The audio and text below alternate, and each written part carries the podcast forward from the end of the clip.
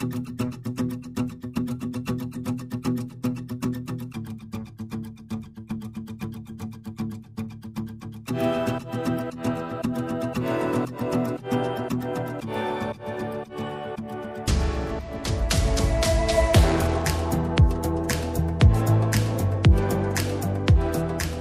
dobry, dzień dobry. Nazywam się Jarosław Kujusz, jestem redaktorem naczelnym Kultury Liberalnej i witam Państwa, witam Państwa serdecznie w naszej cotygodniowej rozmowie z cyklu Prawo do niuansu. Niuansu, którego potrzebujemy bardzo w czasach polaryzacji intelektualnych, no i niuansu, którego na pewno potrzebujemy także w czasach niepewnych, takich jak moment obecny. Nad Naszym spotkaniem niezawodnie czuwa redaktor Jakub Bodziony, bez którego nic by się nie udało i bez Państwa by nam się nic nie udało. Przypominam, że nasz program powstaje dzięki Państwa wsparciu, dzięki temu, że Państwo nas wspierają darowiznami, darowiznami cyklicznymi, za pośrednictwem Patronite'a, no i oczywiście 1%. Teraz, proszę Państwa, ten 1% to jest w ogóle kluczowa sprawa dla e, takich organizacji jak nasza. W trzecim sektorze to jest niesłychanie ważne wsparcie, więc od razu Państwu pięknie dziękuję, jeżeli Państwo przekażą 1% podatku na naszą fundację. Wystarczy wejść na naszą stronę, wszystkie wiadomości na ten temat są wyświetlone i poprowadzą Państwa jasno do pięknego celu.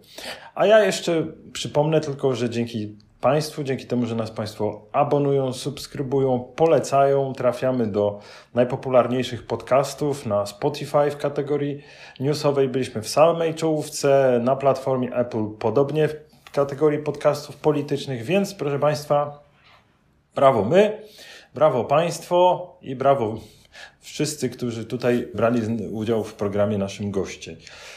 Proszę Państwa, przechodząc już do naszej rozmowy, no cóż, już od pewnego czasu Państwo na pewno doskonale zauważyli, że temat jest jeden, nie bez powodu, nie bez powodu, tak było zawsze, e, że jeżeli w regionie rozpoczyna się konflikt zbrojny, no to choćbyśmy tego bardzo nie chcieli, tak naprawdę zmienia się nasze życie w całości. Wiadomo to z historii, że wybuch takiego konfliktu dotyka nie tylko e, sfery publicznej, ale życia osobistego ludzi. No i widzimy to każdego dnia, z każdym dniem odkrywamy nowe, nowe przejawy tego, jak nasze życie się zmieni. No i proszę Państwa, trzeba rozumieć, trzeba próbować zrozumieć przynajmniej to, co się teraz e, dzieje. I w tym wysiłku spotykamy się e, wspólnie, prawda? Państwo z nami, my z Państwem. I pytamy osoby, które mogą rzucić trochę światła na, ten, na te nasze mroczne czasy. I w związku z tym my dziś zadajemy takie pytanie, zadamy takie pytanie naszemu gościowi mm, o to, dlaczego ten Putin nie może dać Ukrainie spokoju. Można powiedzieć pytanie naiwne, ale nie chodzi nam tutaj o rozmowę, nie będzie nam chodziło o rozmowę, proszę Państwa, o tym, dlaczego Putin nie może zostawić spokoju Ukrainy, bo rozszerza się NATO, ale tak naprawdę za tym pomysłem, żeby interweniować, w zasadzie dokonać agresji, jak wiemy, e, no, kryją się całe rozważania historyczne. Tutaj e, prezydent rosyjski wchodzi w buty historyka, czy też jak chcą inni pseudohistoryka, prowadzi te swoje rozważania, a jak się rzeczywistość nie zgadza z tymi rozważaniami na temat historii i Wielkiej Rusi, no to wtedy trzeba wysłać wojska, żeby, te, żeby ta rzeczywistość się do tych wyobrażeń nagięła. Więc proszę Państwa, tutaj, żeby zrozumieć to, co się dzieje, tak naprawdę nie, nie tylko historia militarna czy rozmowa o rozszerzaniu NATO może być dla nas istotna i ciekawa, ale także rozmowa o tym, dlaczego z powodów historycznych, dlaczego z powodów y, tożsamościowych Władimir Putin nie chce dać spokoju Ukrainie. Naszym gościem będzie dzisiaj profesor Maciej Górny, który jest e, no, specjalistą od naszego regionu, znakomitym. Jego książki, takie jak Nasza Wojna, artykuły popularyzujące historię, mam nadzieję, że Państwo znają. Jeśli nie, to będziemy polecać. Ostatnio ukazała się książka Polska bez cudów. Polska bez cudów historia dla dorosłych. I będziemy do tej książki troszkę nawiązywać, bo wbrew tytułowi o regionie tam jest bardzo dużo informacji ciekawych, które właśnie pomogą nam trochę inaczej może spojrzeć na, na, na to, co się dzieje. I w związku z tym gorąco zapraszam profesora Macieja Górnego, naszego gościa. Dzień dobry. Dzień dobry. Cieszę się, że przyjął Pan nasze zaproszenie. Gratuluję książki Polska bez cudów, ale my dziś będziemy wyciągać z tej Pana książki wątki, które no, pozwolą nam zrozumieć to, co się dzieje. I gdybyśmy zaczęli od tego może nadto publicystycznego pytania, ale jednak takiego pytania, które wielu osobom podejrzewam się nasuwa, dlaczego Putin nie może się zająć swoim krajem, dać spokój Ukrainie i po prostu dbać o szczęście swoich obywateli, tylko musi najechać tych, którzy chcą żyć inaczej. Jak pan jako historyk to widzi? Ach, e, e, no ja nie mam e, żadnych pocieszających informacji ani, ani, ani przemyśleń. Niestety to, to, to od razu muszę zapowiedzieć. Też, też muszę od razu powiedzieć, nie znam się na geopolityce i nie, nie jestem w stanie, ani nie, nie zamierzam podejmować takich prób, żeby próbować przeniknąć czyjeś ukryte intencje albo odczytywać grę sił, te pionki na światowej szachownicy i, tak dalej. No, od tego są inni specjaliści. Tak, ale my, my, nie pytamy o to. Napisał pan książkę, w której tak naprawdę jest o tym, jak się narody wybijały na niepodległość w naszym regionie i w tym, jakich prób dokonywali, dokonywali Ukraińcy. No na ten temat bardzo dużo pan pisał, stąd pytanie właśnie do pana jako do historyka jest, mniej właśnie takie o to, jak się rozszerza NATO, czy jakie są dzisiejsze uwarunkowania geopolityczne, a dlaczego z powodów historycznych Władimir Putin może nie chcieć pozwolić na niepodległość Ukrainy? No więc właśnie to, co, to, do czego się mogę odnieść, to jest to, co on sam na temat historii ma do powiedzenia i to jest dosyć przerażające. Jeżeli by można tak sprowadzić do jednego mianownika, no to pytanie, które pan postawił wcześniej, dlaczego Putin nie zajmie się własnym państwem, właściwie jest źle postawione, bo on we własnym mniemaniu zajmuje się właśnie swoim państwem, przyszłością swojego narodu. Mhm. Dla niego e, Ukraina jest częścią tego rosyjskiego, ruskiego świata jego własne artykuły to nie jest tylko ta, ta ostatnia gniewna tyrada o tym, że Lenin e, stworzył Ukrainę. E, to jest no, już taki długi, wieloletni ciąg historycznych rozważań, które Władimir Władimirowicz publikuje od czasu do czasu. Nie wiem, czy on to sam pisze, czy, czy ktoś mu to pisze. Jest to wszystko dosyć przerażająca lektura, takie Mm, no, można się śmiać, kiedy, kiedy wujek na, na weselu opowiada jakieś swoje teorie, ale kiedy ten wujek dysponuje bronią atomową, to przestaje być e, zabawne.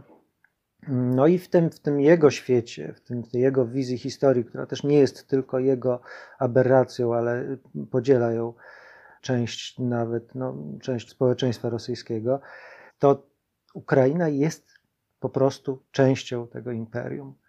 E, była od samego początku. Dzisiejsza Rosja jest kontynuacją wspólnego państwa, którym była Ruś Kijowska. Poczucie łączności e, jest pomiędzy narodami e, ruskimi, pomiędzy narodem rosyjskim, białoruskim i ukraińskim. W tej koncepcji to jest coś absolutnie naturalnego, wrodzonego. To jest coś, co ten lud czuje. I to jest ta jedna warstwa, poczucie w takiej no, mistycznej, właściwie mistycznej łączności pomiędzy tymi, tymi narodami, czy też trójjedynym narodem. I ponad tym mamy jakby taką, taki drugi fantazmat, to jest y, idea imperium, którego y, już dawno nie ma, ale w umysłowości Putina i, i najwyraźniej no jeszcze jakiejś tam części jego, jego poddanych, ona ciągle istnieje to są takie dwa elementy, z których przynajmniej tak jak ja odczytuję te, te, te y, wypowiedzi Putina, z których składa się jego wizja historii Ukrainy i Rosji. I tak naprawdę jego złość kieruje się dokładnie pomiędzy te, te warstwy. To znaczy, jeżeli y, tak jak się tak wczytać w to, co on tam ma do powiedzenia, to no jakbym miał sobie wyobrazić plastycznie jego jego tego wyimaginowanego wroga, to on by wyglądał tak jak pan, to znaczy wyglądałby jak inteligencik.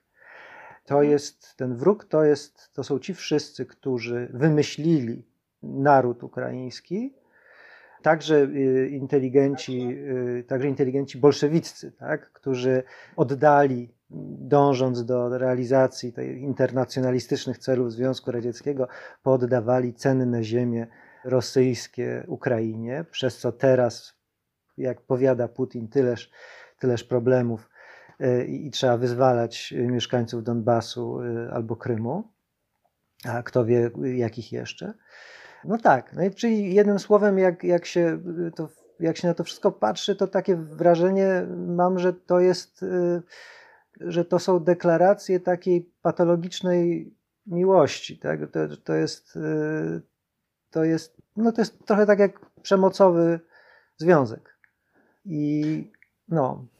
No tak, ale, ale wiemy, że Ukraina na niepodległość próbuje się wybijać od dawna. To nie jest, e, to nie jest tak, że to jest kwestia XXI stulecia, tylko od dawna można mówić o, o, o tym, że Ukraina próbuje wybić się na niepodległość.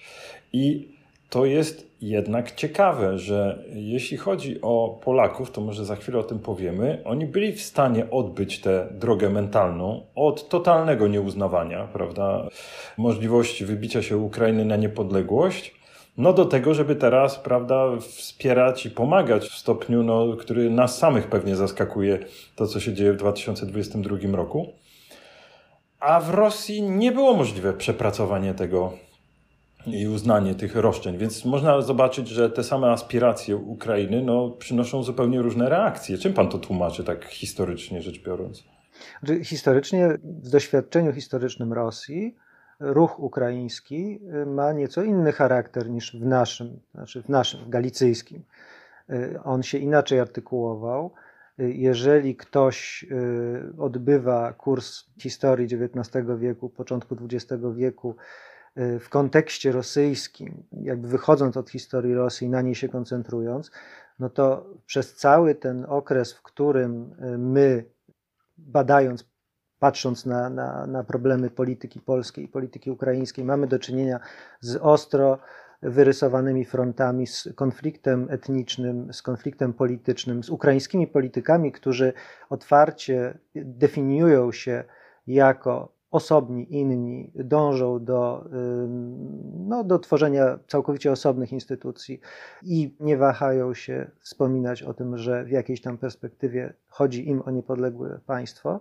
W tym całym tym okresie w Rosji ukraińscy działacze y, mają taki horyzont y, wyobrażeń politycznych, tych oczekiwań wobec, wobec władzy, no, który wyznacza autonomia, federalizm, w ramach państwa rosyjskiego. Więc to, to nie bierze się, nie bierze się ta, taki brak gotowości do, do przyjęcia do wiadomości, że Ukraina po prostu jest, że to jest coś absolutnie naturalnego, tak samo jak, tak samo jak Rosja. To ma y, historyczne podglebie w rosyjskim doświadczeniu, doświadczeniu y, nie wiem, ożywienia politycznego w 1905 roku, a nawet y, w samej rewolucji ukraińskiej, czyli w tym tym okresie, który się tam no, zasadniczo definiuje jako lata 17-21, kiedy kilka prób zawiązania ukraińskiej y, państwowości o różnym stopniu powodzenia y, się y, odbyło. Czasem to się wydłuża, zaczyna się wcześniej, w 14 roku. Również wtedy aż do 18 roku politycy ukraińscy pozostają na takim na, na gruncie no, autonomii w, wielkiej Rosji, która kiedyś będzie demokratyczna i dopuści, dopuści na Ukrainie wolność i, i no, samorząd. Tak?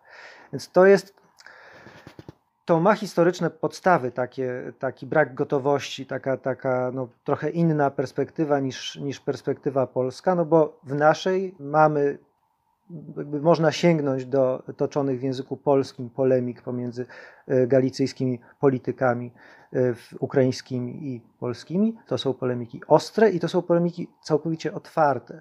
W Rosji na tym wszystkim wisiał taki potężny ogranicznik polityczny i e, w efekcie, kiedy się teraz sięga do tych dawniej do tej tradycji, do tych, do tych tekstów, to, to nie widać tam tego radykalizmu to znaczy, że mhm. jeżeli się, jeżeli się nie jest gotowym, żeby na przykład dostrzec, że być może tego radykalizmu nie ma, dlatego że nie wolno było formułować tak daleko idących wniosków, że dlatego go nie było, bo inne, bo, bo zasadniczo tak, carat nie dopuszczał wolności wypowiedzi w takim stopniu, w jakim można, możliwa ona była w Habsburskiej Galicji, a tego Putin nie robi, no to można uwierzyć, że, no, że Ukraińcy w Rosji w zasadzie dążyli co najwyżej do autonomii, w żadnym wypadku do niepodległości uważali się za ten sam naród, co, co Rosjanie i wszystko jest w porządku. Tak? I teraz właściwie należy przy, przywrócić ten szczęśliwy, szczęśliwy stan, kiedy nikt się nie skarżył. A że się nie skarżył dlatego, że miał gębę zatkaną kneblem, no to y, jest jakby pozostaje poza polem widzenia.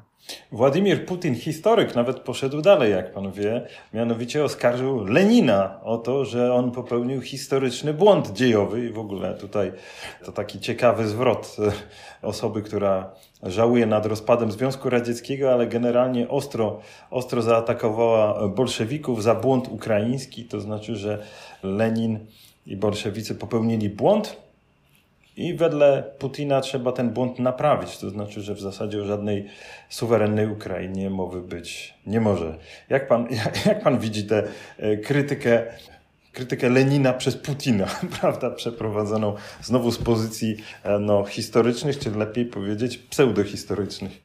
Znaczy to, to jest e, element polityki historycznej tego państwa, który, na który warto patrzeć w, większym, w szerszym kontekście w Rosji od dłuższego czasu no, powstaje taki, no przynajmniej na ile jestem w stanie to obserwować, taki, taki produkt pamięciowy, który jest y, w sumie bardzo inkluzywny, to znaczy tworzy trochę no, Witkacy w niemytych duszach coś takiego pisał o e, takim naiwnym spojrzeniu na historię Polski, że myśmy w zasadzie wszystko mieli bardzo fajne. Mieliśmy fajnych heretyków i, i to, i tamto, i to wszystko razem się tak zlepi i, i, i będzie z tego widać, że jesteśmy fajnym europejskim narodem. No i takie zlepianie trochę w Rosji ma miejsce. To znaczy, jest, to jest taka wizja historii, w której ten car to właściwie był ok, i ci bolszewicy to byli ok, i ci biali, co się z nimi bili, i chociaż się nawzajem obdzierali ze skóry, to, to, to byli też ok. I właściwie każdy, komu na sercu leżało dobro wielkiej Rosji y, i kto dążył do wzmacniania imperium, w tej myśli historycznej się y, mieści po tej dobrej stronie. I jak się na to jakby spojrzy na, na, w takim kontekście takiej generalnej konstrukcji, w której no, Stalin i Iwan Groźny to są pozytywne postacie, bo dążą do wielkości mhm. siły państwa, no to krytyka może być jak najbardziej skierowana na tych komunistów, którzy w opinii, jakby w tej w optyce Putina osłabiali władzę centralną Moskwy, no już, już, już wtedy Moskwy. Mhm. I Putin uważa, to nie jest zgodne z, z prawdą, znaczy Putin uważa, że aktualny kształt terytorialny Ukrainy jest y, takim y, dowodem no, zaślepienia ideologicznego y, części bolszewików. Wydaje mi się, że jest w tym też element antysemicki, no bo jakżeżby, jakżeżby inaczej. To znaczy, no, bolszewicy internacjonaliści, których potem Stalin się pozbył, chętnie i radośnie oddawali rosyjską ziemię innym republikom w imię tego, tej, tej właściwie mrzonki o, o ponadnarodowym związku, związku narodów, narodowości. No i jak się na to tak patrzy, no to teraz y, armia rosyjska przywraca y, stan właściwy. Y, zresztą Putin też pisał parę razy o tym, że jeżeli ktoś rozwiązuje Związek Radziecki, jakby unieważniając traktaty, które legły u podstaw jego, leżące u podstaw jego utworzenia, to należałoby wrócić do kształtu terytorialnego tych części składowych sprzed zawarcia tych umów, czyli na przykład Krym, który dopiero Chruszczow przyłączył do Ukrainy, Ukrainie odebrać.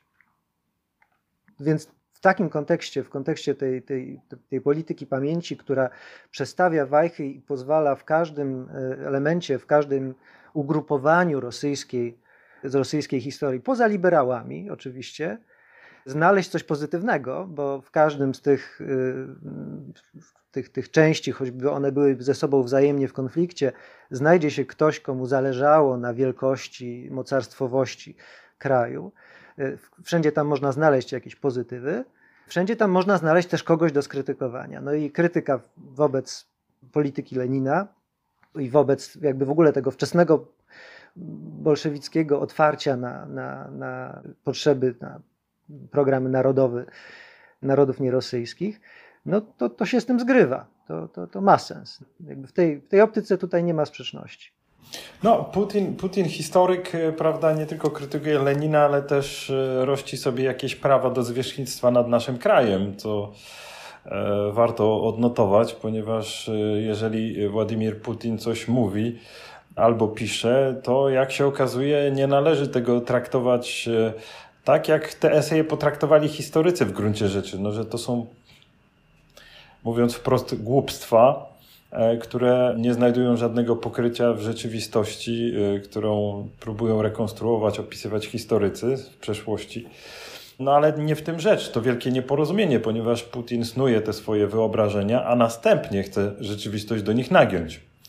Więc e, jak się wydaje, tutaj kolejność jest inna niż tym, którzy krytykowali Władimira Putina no, chcieliby na pewno przywołać go do porządku.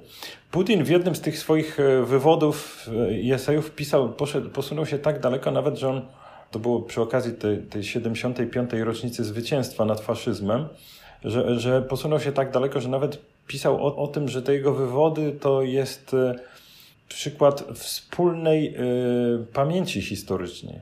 On, tam, tam, było, tam było takie sformułowanie, które y, oznaczało, że no, kto tam się by nie zgadzał, skoro to jest właśnie to, co on opowiada, to jest coś, co powinno być powszechnie uznane, ponieważ to jest podzielane. E, jak wiadomo, e, jak ktoś mówi o tym, że podziałów nie było, to prawdopodobnie próbuje nam coś narzucić ale tym się Władimir Putin nie przejmuje. Natomiast pan w swojej książce pisał o tym, jak, jak w zasadzie Przypomina pan, jak e, Polacy do e, sprawy ukraińskiej się odnosili krytycznie. Wydaje mi się, że to jest strasznie ciekawe, żeby pokazać w momencie, kiedy tak, i od tego chciałbym zacząć, że w momencie, kiedy sobie podajemy dłoń i pomagamy, to jest numer jeden, tak? Najpierw takie stwierdzenie, a potem warto powiedzieć, że to nie, naj, rzecz ujmując, nie była droga us, usłana różami i że w początku XX wieku, jak pan odnotowuje, w zasadzie polskie elity galicyjskie no, odmawiały prawa do istnienia y, Ukrainie i podaje pan całą masę barwnych przykładów, choćby rektor Uniwersytetu Lwowskiego Stanisław Głąbiński, utrzymywał, że w rzeczywistości żadnych Ukraińców nie ma. Później mamy Aleksandra Brücknera, który odrzucał tezę o istnieniu języka, a zatem także narodu ukraińskiego. Inne osoby uważały, że w zasadzie e, trudno między dialektem ukraińskim a językiem rosyjskim dopatrzyć się większej różnicy, aniżeli między językiem Niemca z Prus Wschodnich a językiem Niemca z Bawarii. Daleką drogę w Polsce przyszliśmy, prawda? Mm, to, co, to, o czym mówiłem na początku, że to jest, y, że to, co nam Władimir Putin pokazuje, to być może jest taka patologiczne przywiązanie. To nie jest tylko problem rosyjskiej y, historii czy, czy, czy rosyjskiej pamięci historycznej. To jest także niebezpieczeństwo y, obecne gdzie indziej i również u nas dosyć łatwo popaść. Nawet u nas, tak? Pan uważa? Tak, uważam, że nawet u nas i wydaje mi się, że dosyć łatwo popaść w takie, no w taką pułapkę myślenia. Y, ona się u nas, wydaje mi się, ujawnia wtedy, y, kiedy mm, od pełni najczęściej bardzo dobrych intencji przypominamy z wyrzutem, że y, na przykład, że federalistyczne plany y, Piłsudskiego nie spotkały się z y, pozytywnym przyjęciem nacjonalistów białoruskich, litewskich ukraińskich. Oczywiście to nie jest to samo, co, co, co robi Putin, ale jest w tym y, trochę podobne ograniczenie perspektywy, to znaczy tak, takie klapki na, na oczy, które sprawiają, że jakby formułując takie tezy w stylu no, zbliżonym do zarzutu wobec tamtych nacjonalistów, nie przyjmujemy do wiadomości, że oni przecież e, wtedy czytali nie tylko te sympatyczne słowa, które e, Piłsudski albo polscy socjaliści do nich kierowali, ale oni zasadniczo w ogóle czytali po polsku i oni czytali też to, co Dmowski pisał. i to, co inni polscy politycy o nich y, mieli do powiedzenia i co Głąbiński o nich uważał i co Brückner o nich napisał, to wszystko też było im znane. No i właśnie, więc taki, taka, mm, takie gorące uczucia wobec, manifestowane wobec innego narodu, czasami, jak historia tego narodu jest tak blisko związana z naszą własną, mogą przekroczyć taką niebezpieczną granicę, którą Putin no, notorycznie przekracza. To znaczy, jest ok, e, mhm. kiedy się ma jakiekolwiek tak naprawdę no, poglądy na temat historii Ukrainy, no ale jednak należy przyjmować do wiadomości, że to jest historia Ukrainy. Nie mówimy o E, czymś, co powinno być naszą własnością, tylko mówimy o czymś, co nieprzypadkowo istnieje i ma prawo do tego istnienia. I to też jakby jest w tym trochę takiego mm, postimperialnego no, dziedzictwa, które na nas w małej y, mierze spoczywa, no bo y, nasze imperium jest już mocno przechodzone i bardzo, bardzo dawne i, i był czas się odzwyczaić. No ale jednak czasem refleksy tego są y, i ja je w każdym razie w polskiej historiografii absolutnie dzisiejszej widzę, zwłaszcza właśnie w stosunku do tej, do tej y, oceny wiem, białoruskich odpowiedzi albo ukraińskich odpowiedzi na, na federalizm Piłsudskiego. No, wie pan, to jest, to jest rzeczywiście ciekawe, bo pan mówi, jak, że, że te niebezpieczeństwa, rozumiem, że po prostu w naszych zasobach kulturowych, tak, z tej walizki z różnymi rzeczami z przeszłości, można w pewnym momencie wyjąć nie tylko stereotypy, które inteligencja ukuwała na temat innych na, naszych sąsiadów, ale też, że e, ta walizka jest dość, dość pokaźna i że tam, jak rozumiem, Pan mówi, że można, można łatwo popaść w to niebezpieczeństwo, że się nagle znowu zacznie wyciągać z naszych zasobów kulturowych jakieś nieprzyjazne dla naszych sąsiadów e, wiadomości, e, skądinąd mogą być nawet prawdziwe, tak? ale też i stereotypy i, i uprzedzenia. A ja bym zadał w tej obecnej sytuacji wobec tego in, in, inne pytanie, tylko jeśli, jeśli dokończę. A jak nie popaść w to? Ma pan jakiś tu swój, swój pomysł? Ja, ja, ja bym jakby sprostowałbym tylko to, co, to, co pan powiedział, że, że nieprzyjazne, bo właśnie wydaje mi się, że jakby te nieprzyjazne są najmniejszym problemem, bo... Y, Aha, no bo ja tu, prawda, zacytowałem te nieprzyjazne. Więc... To, bo bo tak, tak naprawdę wydaje mi się, że, że jakby też ta wizja historii, którą prezentuje Putin pokazuje, że y, naprawdę mordercze skutki mają te pozornie przyjazne, jak najbardziej wręcz miłosny stosunek do, do innego narodu, posuwający się tak daleko, że utożsamiający go z naszym własnym narodem. Y, I w naszym, w naszym dorobku intelektualnym Polaków nie brakuje takich, nie brakowało przecież takich teorii, w których Ukraińcy byli traktowani, no to zresztą jest piękna tradycja mm, polskiej myśli demokratycznej XIX wieku, w której y, naród Rzeczpospolitej ma różne y, tam narzecza i różne, y, różne plemiona, język ukraiński jest narzeczem języka polskiego i tak jak, no tak jak zresztą, no tak jak Prowansalczycy stali się Francuzami, tak, tak Ukraińcy staną się Polakami. No jest to jest to takie dziedzictwo, które w naszej kulturze, w naszej przeszłości też mamy. I oczywiście jestem, mam, odczuwam satysfakcję z tego, że ono jest y, dziedzictwem, że jest częścią naszej kultury, a nie jest y, dzisiejszym językiem polskiej polityki, tak jak to się dzieje w Rosji, gdzie mhm. takie właśnie tezy żyją i są jak najbardziej współczesne. No ale jakby potencjał, potencjał jest. Znaczy jest się do czego odwoływać. To nie, nie jest tak, że, że, że ta skrzynia jest pusta, w niej leży zabytkowa broń. Jasne, ale, ale tak się zastanawiam, bo, bo, bo, bo wspominał Pan o tych niebezpieczeństwach.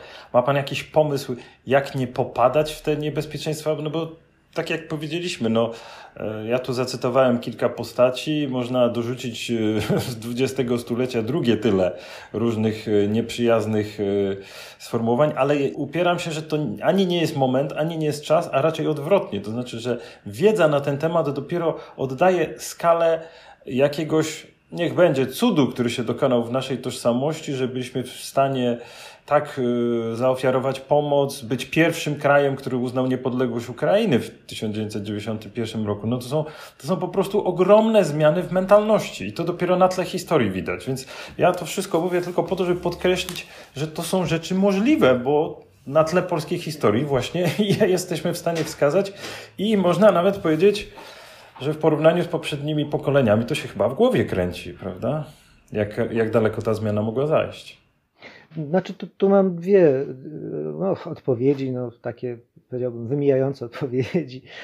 Po pierwsze, jak unikać, jak wydaje mi się, że można unikać takie, takich niebezpieczeństw, no to yy, i w stosunku do Ukrainy, i w stosunku do każdego innego, absolutnie najważniejsze jest to, żeby y, nie gadać do lustra i nie, nie interesować się wyłącznie sobą i nie zachwycać się wyłącznie sobą i starać się na, na ile można y, spoglądać na te stosunki wzajemne, na, na, na siebie samego, no, z perspektywy tego, tego kogoś, tak? Znaczy, żeby mm, no chociażby no to, o czym wspomniałem, tak, żeby wracając do skądinąd pięknych tradycji polskiej myśli federacyjnej, zadać sobie pytanie, a co o tym wszystkim myśleli potencjalni partnerzy polskich, y, no Polskiej właśnie. Federacji. Tak? Może na przykład to by nam coś powiedziało więcej o tym, o tej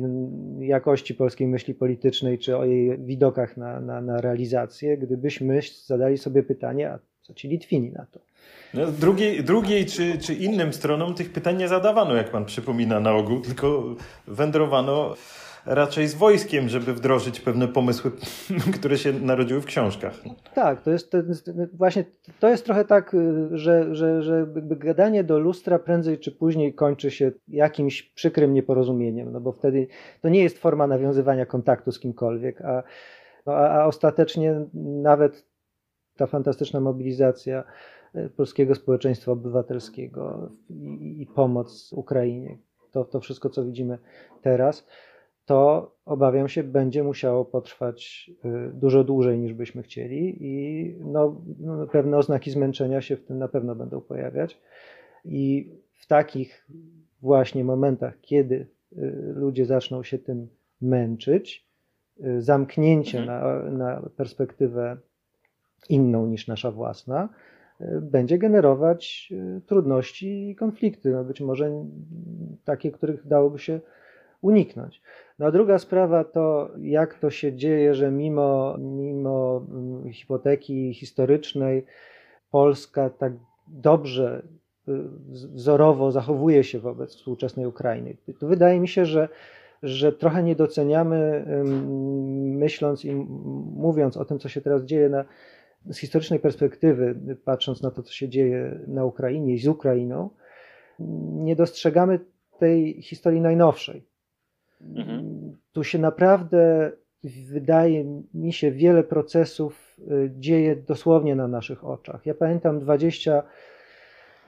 22 albo 21 lat temu, Jezus Maria, y, do Instytutu Historii Pan przyjechał profesor Jarosław Rycak y, z Lwowa. Znakomity, którego pozdrawiamy niniejszym. No, Jarosław Rycak odmówił wyjazdu, siedzi w Lwowie i zamierza tam zostać. Jarosław Chrycak opowiadał wtedy, relacjonował wtedy mm, wyniki takich badań socjologicznych przeprowadzonych na bieżąco, których celem było, y, była taka mapa tożsamości ukraińskich. Były bardzo otwarte pytania i kiedy referował te wyniki, no to y, te, te wnioski, które, które pamiętam, przede wszystkim wskazywały na niesamowity dynamizm tego, tego, co się dzieje na Ukrainie i bogactwo. To znaczy fakt, że bardzo duża część obywateli tego kraju w ogóle nie definiuje się w kategoriach narodowościowych. Mówi o sobie raczej przede wszystkim ja kobieta, albo ja młody, albo jakoś tam jeszcze inaczej. Wnioski z tego były, że to jest wszystko absolutnie w ruchu. Może pójść w różne strony. I no i to też nie będę jakby specjalnie odkrywczy, tylko właśnie powtórzę to, co wiele razy można było usłyszeć. No, Władimir Putin niesamowicie przyspiesza proces y, formowania nowoczesnego ukraińskiego narodu. Tylko, że chyba naprawdę powinniśmy przyjąć do wiadomości, że, że dla tego narodu takimi momentami, w których on y, naprawdę się y, kształtuje, które są, które nabierają y, symbolicznego znaczenia i będą go miały przez następnych 100 lat, to są rzeczy, które my widzimy, widzieliśmy na własne oczy. To jest pomarańczowa rewolucja, to jest Majdan, to jest interwencja w 14 roku i to jest ta najnowsza, wojna. najnowsza. Tak, tak. Tak. Wydaje mi się, że to, to strasznie ważne. To, to, to, czego teraz jesteśmy świadkami, to jest historia, która się dzieje na naszych oczach. I być może jest tak, że, że ten, ten proces narodowo-twórczy, którego Putin ewidentnie na Ukrainie nie chce widzieć albo nie docenia, że on go nie widzi, dlatego że on jest właśnie nieklasyczny, że on się y, nie dzieje w takim trybie, w jakim nie wiem, Mirosław Chroch go rozpisywał na fazy ABC, tylko on teraz nadrabia niektóre brakujące elementy w trybie ekstraordynaryjnym. Mhm. Jesteśmy tego świadkami. Ja tutaj mam, mam pytanie, które otrzymaliśmy w trakcie rozmowy. Czy w związku z tym, że jest wojna w Ukrainie, to my powinniśmy zapomnieć o Wołyniu? Co pan odpowiada na takie pytania z Facebooka? Mój Boże, w żadnym wypadku nie, nie powinniśmy zapominać o, o, o Wołyniu. Dlaczegoż by? No. Znaczy, jeżeli mogę coś jakby do tego dodać, żebyś tak nie wyślizgać totalnie z, z pytania, które jak rozumiem być może ma być niewygodne, no to jak, wydaje mi się, że Wołyń y, czy inne krzywdy, których, zbrodnie, których obiektem byli Polacy, czy też w ogóle zbrodnie, do których doszło na terenie Polski, czy to będzie Jedwabne, czy to będzie Wołyń, czy to, będzie, czy to będą zbrodnie hitlerowskie. Y, oczywiście, że należy o nich pamiętać. To jest jedna rzecz. Druga rzecz to jest y, kiedy i komu o czymś mówić wypada bardziej, a kiedy i komu o czymś mówić wypada mniej. Y, ja osobiście, ale to jest na mój własny użytek, uważam, że zdrową sytuacją jest, jeżeli historyk koncentruje się y, nie na krzywdach, które jego własny naród albo jego własna grupa społeczna doświadczyły, tylko raczej, jeżeli już musi się takimi przykrymi sprawami zajmować, y, niech się lepiej zajmuje tym, co jego naród albo grupa społeczna złego wyrządzili. Z doświadczeń moich z niemieckimi historykami wynika, że tacy ludzie są sympatyczniejsi. Miło się z nimi rozmawia i miło się z nimi współpracuje. Ale to jest moja własna, y, jakby mój własny nakaz, który sobie samemu nałożyłem i absolutnie nie wynika z niego, że zamierzałbym zabronić polskim historykom zajmować się rzezią wołyńską albo żydowskim historykom zajmować się Holokaustem. No, w żadnym mhm. wypadku.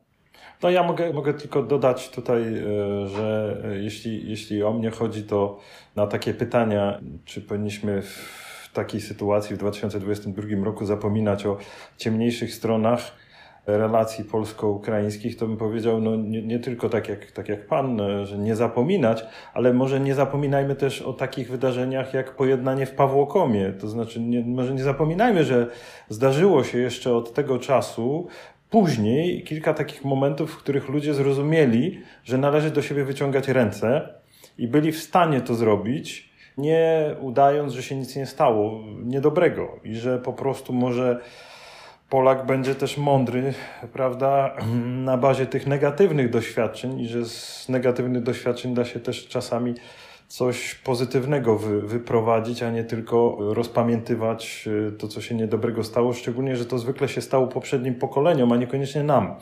Więc my już mamy wręcz obowiązek spojrzeć chyba na to troszeczkę inaczej i powiedzieć właśnie, że można do pewnego stopnia chyba wyjść z tej pułapki historii, prawda, w którą próbuje nas znowu wpędzić Putin. To znaczy, że, że, że, takie mam wrażenie, że próbuje nas znowu zapędzić do takiego myślenia, że są strefy wpływów imperiów, że wobec tego demokracja powinna im ustąpić, że wobec tego pamięć społeczna, pamięć historyczna powinna być kształtowana w sposób, no jest elastyczna, plastyczna, więc będziemy ją kształtować, bo tak, bo tak chcemy, prawda, a nie, niekoniecznie.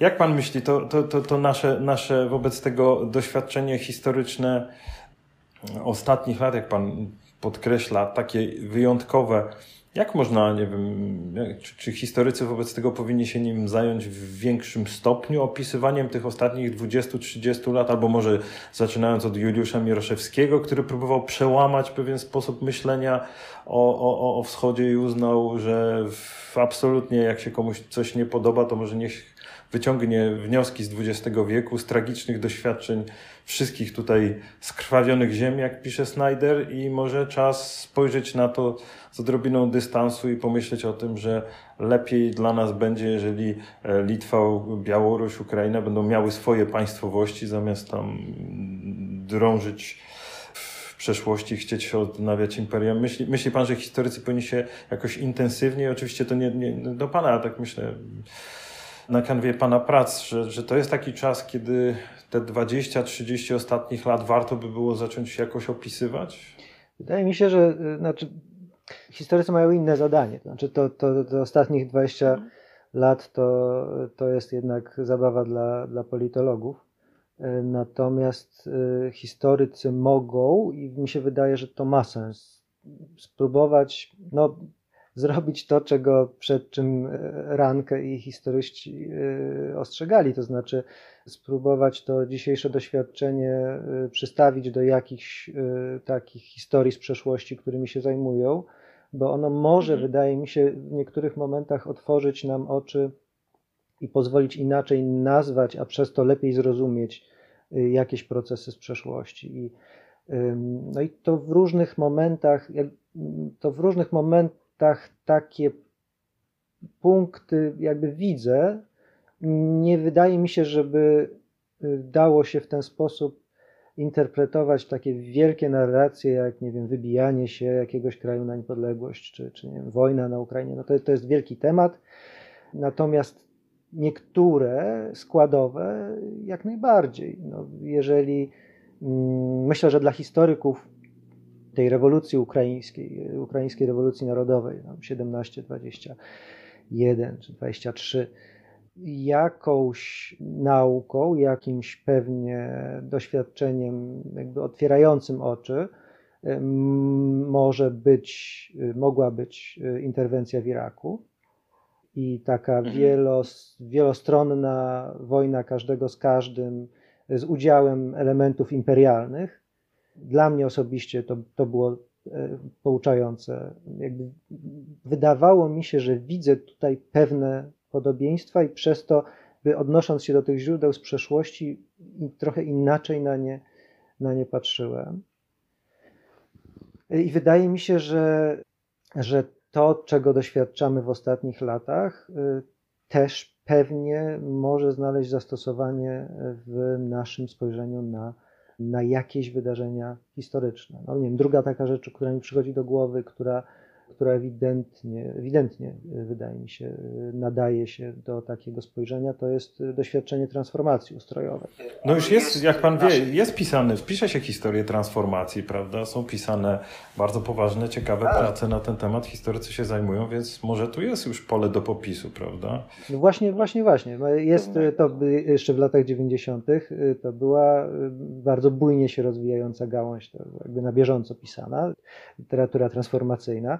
I teraz ja osobiście zajmowałem się akurat dyskursem ekonomicznym wokół y, powstawania państw y, niepodległych po I wojnie światowej. No i dla mnie było absolutnie fantastycznym przeżyciem, kiedy w brytyjskiej y, prasie ekonomicznej wtedy czytałem artykuły, które no, dosłownie można by było przenosić wyglądały jak z lat 90., włącznie z tym, że pisano tam Aha. o tym, że there is no alternative dla y, prawda, kapitalistycznego rozwoju, że ta inflacja to jest jednak zła, że y, dzielny minister Hegedüsz y, na Węgrzech to trzeba mu kibicować, bo on postanowił obciąć niepotrzebne wydatki i wzmocnić walutę i tak dalej, i tak dalej. No i to, to jest no, jakby Gdybym ja sam nie miał doświadczenia polskiej transformacji, nie był wyczulony na pewne słowa, pewne sformułowania i pewne jakby tropy, no to bym nie zauważył tego, tego podobieństwa. A y, skoro ja je widzę, to y, zyskuję nowe narzędzia do tego, żeby powiedzieć coś więcej, wczuć się lepiej w odczucia ludzi z tamtej tamtego czasu, tak? powiedzieć coś więcej o tym, jak przeżywano te transformacje. To, to bardzo ciekawe, to, ale to jednocześnie niebezpieczne, bo widzi pan, to, to od razu można, trzymając się tego naszego wiodącego tematu, to bym powiedział, no tak, no to proszę zwrócić uwagę, jak silne mogą być stereotypy, no bo o tym tu troszkę mówimy, takie imperialne albo stereotypy, kiedy jedna część świata patrzy na drugą, prawda, na, na Europę Wschodnią i z tego punktu widzenia Władimir Putin patrzy na Ukrainę i myśli sobie, no nie, no to, to, to niemożliwe, żeby Ukraina była niepodległa, niemożliwe, żeby była suwerenna. Pan w swojej książce pisał jeszcze o, o o tej rzeczy, którą tu już będziemy pomału musieli zmierzać do końca, ale wydaje mi się, chciałbym wydobyć, bo Pan się zajmuje naukowo także takim obszarem, no, który rozstrzyga się na naszych oczach. Mianowicie mm, toczy się konflikt y, zbrojny. Cały czas y, wiele osób, wielu z nas ma nadzieję, że Ukraina się obroni, a Pan pisze o skutkach tego, czy mamy do czynienia z kulturą klęski, czy mamy do czynienia z kulturą zwycięstwa. Mógłby Pan powiedzieć dwa, dwa słowa o konsekwencjach tego, czy się wychyla dana kultura w stronę zwycięstwa, czy się wychyla w stronę klęski, no bo przed takim wyborem w zasadzie, no to jest gigantyczna stawka, przed którą stoi teraz ukraińska kultura. I Pan coś może powiedzieć, co, co, co by się stało, gdyby właśnie była to kultura zwycięstwa lub kultura klęski?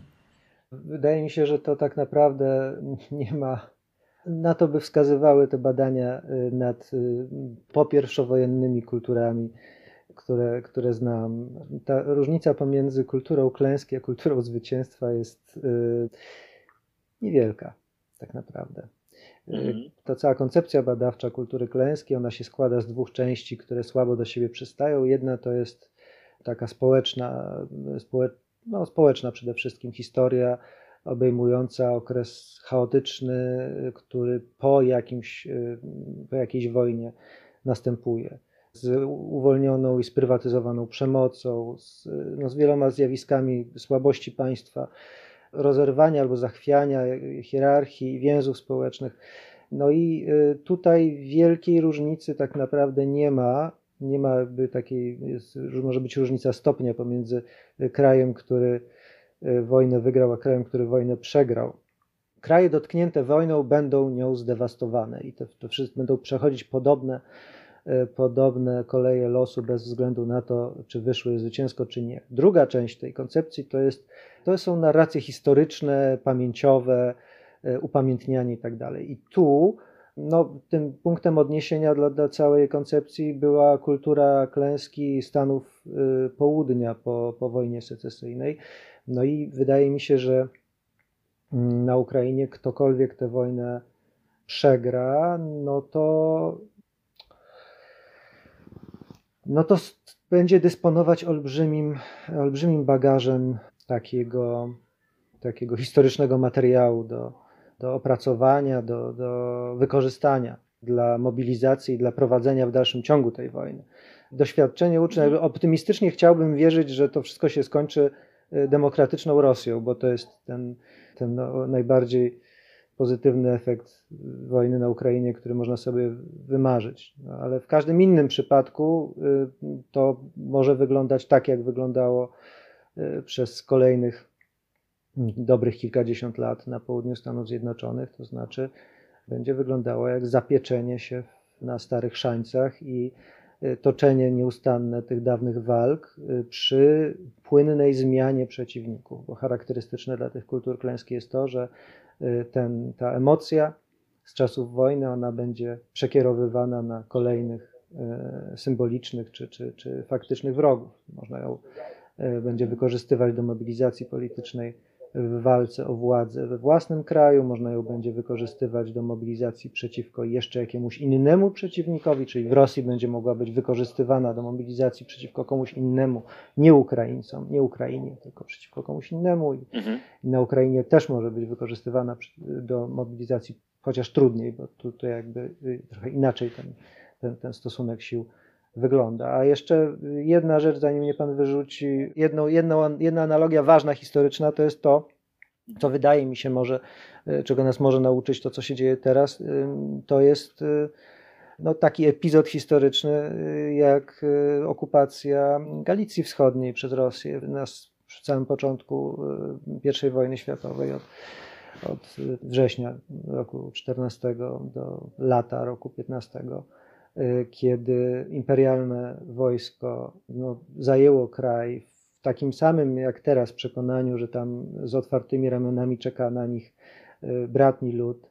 Zamknięto wszystkie ukraińskie gazety i księgarnie i tak dalej. I efekt nawet nie długofalowy, tylko krótkofalowy tego, tych działań wszystkich był taki, że, no, że ta Ukraina imperialnej Rosji wybuchła w twarz e, w roku 17, po trzech latach, a rosyjscy żołnierze ukraińskiej narodowości, którzy te Galicję zajęli, okupowali, właśnie tam przechodzili swoją, swój przyspieszony kurs ukraińskości e, w zetknięciu z, z tamtym ukraińskim społeczeństwem, w zetknięciu z tamtym ukraińskim piśmiennictwem i, i tamtą kulturą.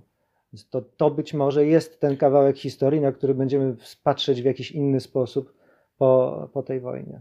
To niezwykłe, bo rzeczywiście tutaj, tutaj wobec tego wynikałoby, że historia, ten, ten, ten fragment, o którym Pan teraz wspomniał, to przekonywałaby nas byłaby argumentem na rzecz tezy, że Władimir Putin popełnia gigantyczny błąd, jeżeli chodzi o dobór środków do swoich celów i że prawdopodobnie nic nie pomoże Ukrainie bardziej wybić się na niepodległość niż to, co teraz się dzieje, choć jest to, jest to oczywiście tragiczne i gigantycznym kosztem się odbywa. Ja mogę tylko dodać, że oczywiście mamy nadzieję, że, że Ukrainie się uda obronić swoją niepodległość, niezawisłość i demokrację. Trzymamy kciuki. No ale jako, prawda, tutaj analizując sytuację, musimy rozważyć wszystkie scenariusze, prawda? Więc e, tutaj jestem bardzo wdzięczny za tę naszą dzisiejszą rozmowę. Pan Maciej Górny z nami był i jeszcze raz pozwolę sobie polecić tutaj przy tej okazji. Polska bez cudów, Maciej Górny. Wspaniała książka, mnóstwo niesłychanie dających do myślenia anegdot. Państwu gorąco polecam. I dziękuję pięknie za przyjęcie naszego zaproszenia. To ja bardzo dziękuję. Proszę Państwa, a ja tylko tradycyjnie na zakończenie przypominam, że jesteśmy czwartkową odmianą wideo podcastu Kultury Liberalnej. Mogą Państwo nas oglądać, słuchać na Facebooku, YouTubie, w ulubionych serwisach streamingowych. Przypominam, bardzo ważne oceniać, polecać, subskrybować. Bardzo o to prosimy. W piątek redaktor Jakub Bodziony y, będzie rozmawiać o sprawach międzynarodowych, więc y, Państwo będą mogli posłuchać najnowszych najnowszych komentarzy na temat, y, no, na tematy bieżącej polityki międzynarodowej, czyli jak wiadomo ciąg dalszy naszych rozmów y, na tematy ukraińskie. A ja jeszcze raz zachęcam do czytania na ten temat na stronie www.kulturaliberalna.pl. Mamy całą teraz już masę ciekawych rozmów, esejów, podcastów. Dziękuję Państwu, że nas słuchacie, oglądacie. Jeżeli podoba się Państwu to, co robimy, to jeszcze raz dziękuję także za wsparcie e, w postaci 1% na rzecz Fundacji Kultura Liberalna oraz za wszystkie wyrazy wsparcia finansowego, którego Państwo nam udzielają. Dziękuję w imieniu Zespołu Kultury Liberalnej, w imieniu swoim i zapraszam Państwa za tydzień. Dziękuję, do zobaczenia, do usłyszenia.